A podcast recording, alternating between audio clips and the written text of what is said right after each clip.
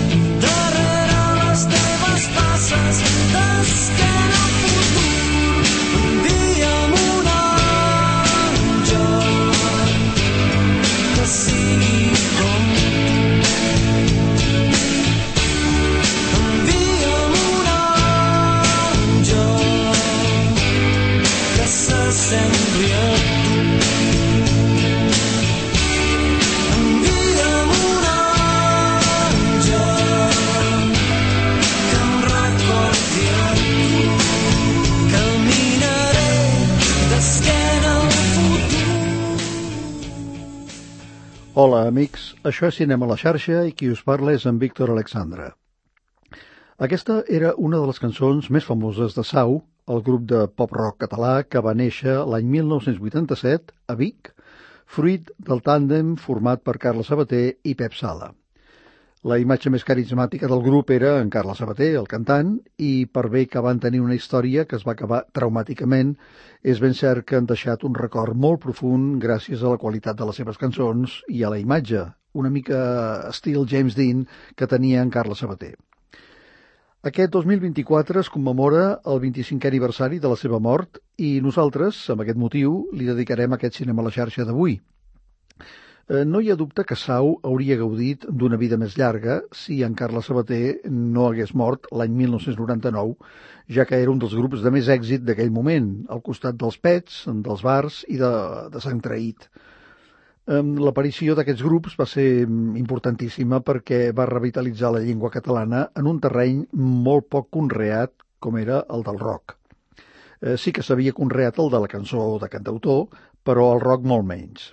I, és clar, aquells grups van aconseguir que tota una generació de joves s'identifiqués amb la seva música i amb les seves lletres, alhora que, que van obrir camí per a la llarga llista de grups que han vingut després i que van créixer molts escoltant Sau i altres formacions.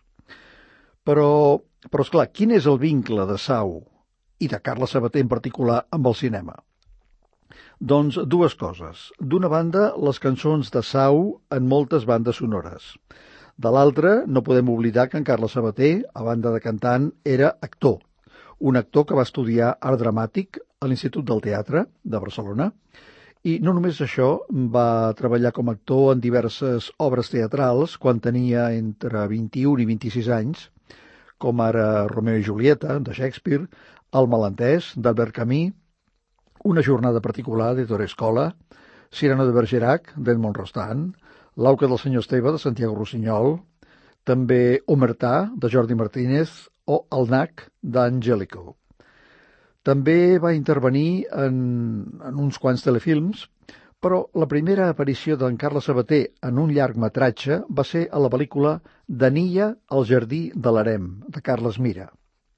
Després va venir un petit paper al Complot dels Anells, de Francesc Bellmunt, i eh, Gaudí, la pel·lícula Gaudí de Manuel Huerga, una ficció documental en què Carles Sabater interpretava precisament el paper d'Antoni Gaudí. Però ara aturem-nos un moment i tornem a la música perquè, de la mateixa manera que la cançó que hem escoltat, Enviem un àngel, va aparèixer a la sèrie Memòries de la tele, la cançó que ara escoltarem va ser inclosa al documental del 2011 Sau de les tallades a la glòria. De les tallades a la glòria. d'Ivet Vila. La cançó és No he nascut per militar. Ja no sé quants dies fa que estic així callant la veu, les mans al cap he de dormir oh, les nits que mai s'acaben els dies són més curts quan estic tancat a casa sense projecte, sense tu el meu pols com una espasa va tallant el meu passat. Quedat descalç com un únic futur on no em veig en els miralls. I m'han quedat els ulls en blanc de soledat. Sóc un covard però vull tindre cor de soldat.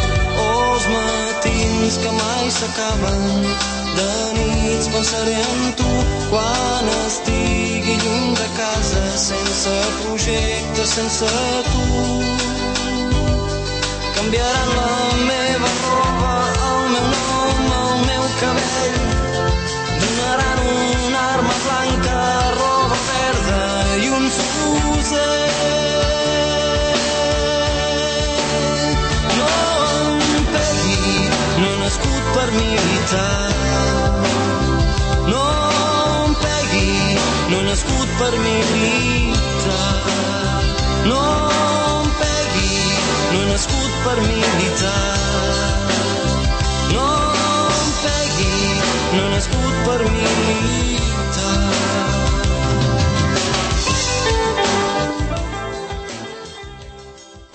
No he nascut per militar, una cançó que va néixer en una època en què la gent jove es va rebel·lar, els nois joves, bàsicament, es van rebel·lar contra el servei militar i van aparèixer no només objectors de consciència, sinó també molts insubmisos fins que eh, finalment eh, es va abolir el, el servei militar. Com a actor, Carles Sabater va continuar fent aparicions televisives i cinematogràfiques. A la tele va aparèixer en telefilms com Cyrano de Bergerac, Les floristes de la Rambla o aquell rotllet que es diu El Nac, i també en sèries com Crònica Negra, i ara que Xènia, Arnau o Sitges. I en cinema trobem Carles Sabater com a actor a Si te dicen que caí, de Vicente Aranda, al costat de Jorge Sanz, Victoria Abril i Antonio Banderas, escrit als estels, de Ricard Reguant, La febre d'or, de Gonzalo Herralde, basada a la novel·la de Narcís Uller i amb un estol d'actors llarguíssim, i també a La Monyos, de Mireia Ros, amb Julieta Serrano. Aquí en Carles Sabater tenia un paper força important. I pel que fa al vessant musical, el, aquest vessant, eh, les seves cançons continuaven i continuen apareixent en moltes bandes sonores, tant de televisió com de cinema. Hi ha una cançó, en concret, que la trobem a Rock and Cat, de Jordi Roger, amb intervencions de molts músics com Pep Sala, Lluís Gavaldà, Cris Joanico, Montse Llaràs, Adrià Puntí, Gerard Quintana, Joan Reig i Gossos. La cançó és Tren de mitjanit. Sovint em sento atrapat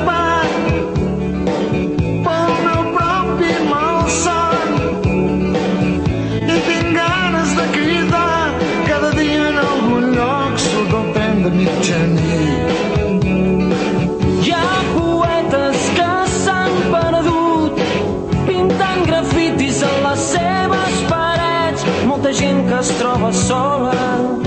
Cada dia en algun lloc puja el tren de mitjanit. What's that funny red light doing on? not a chance, not a chance.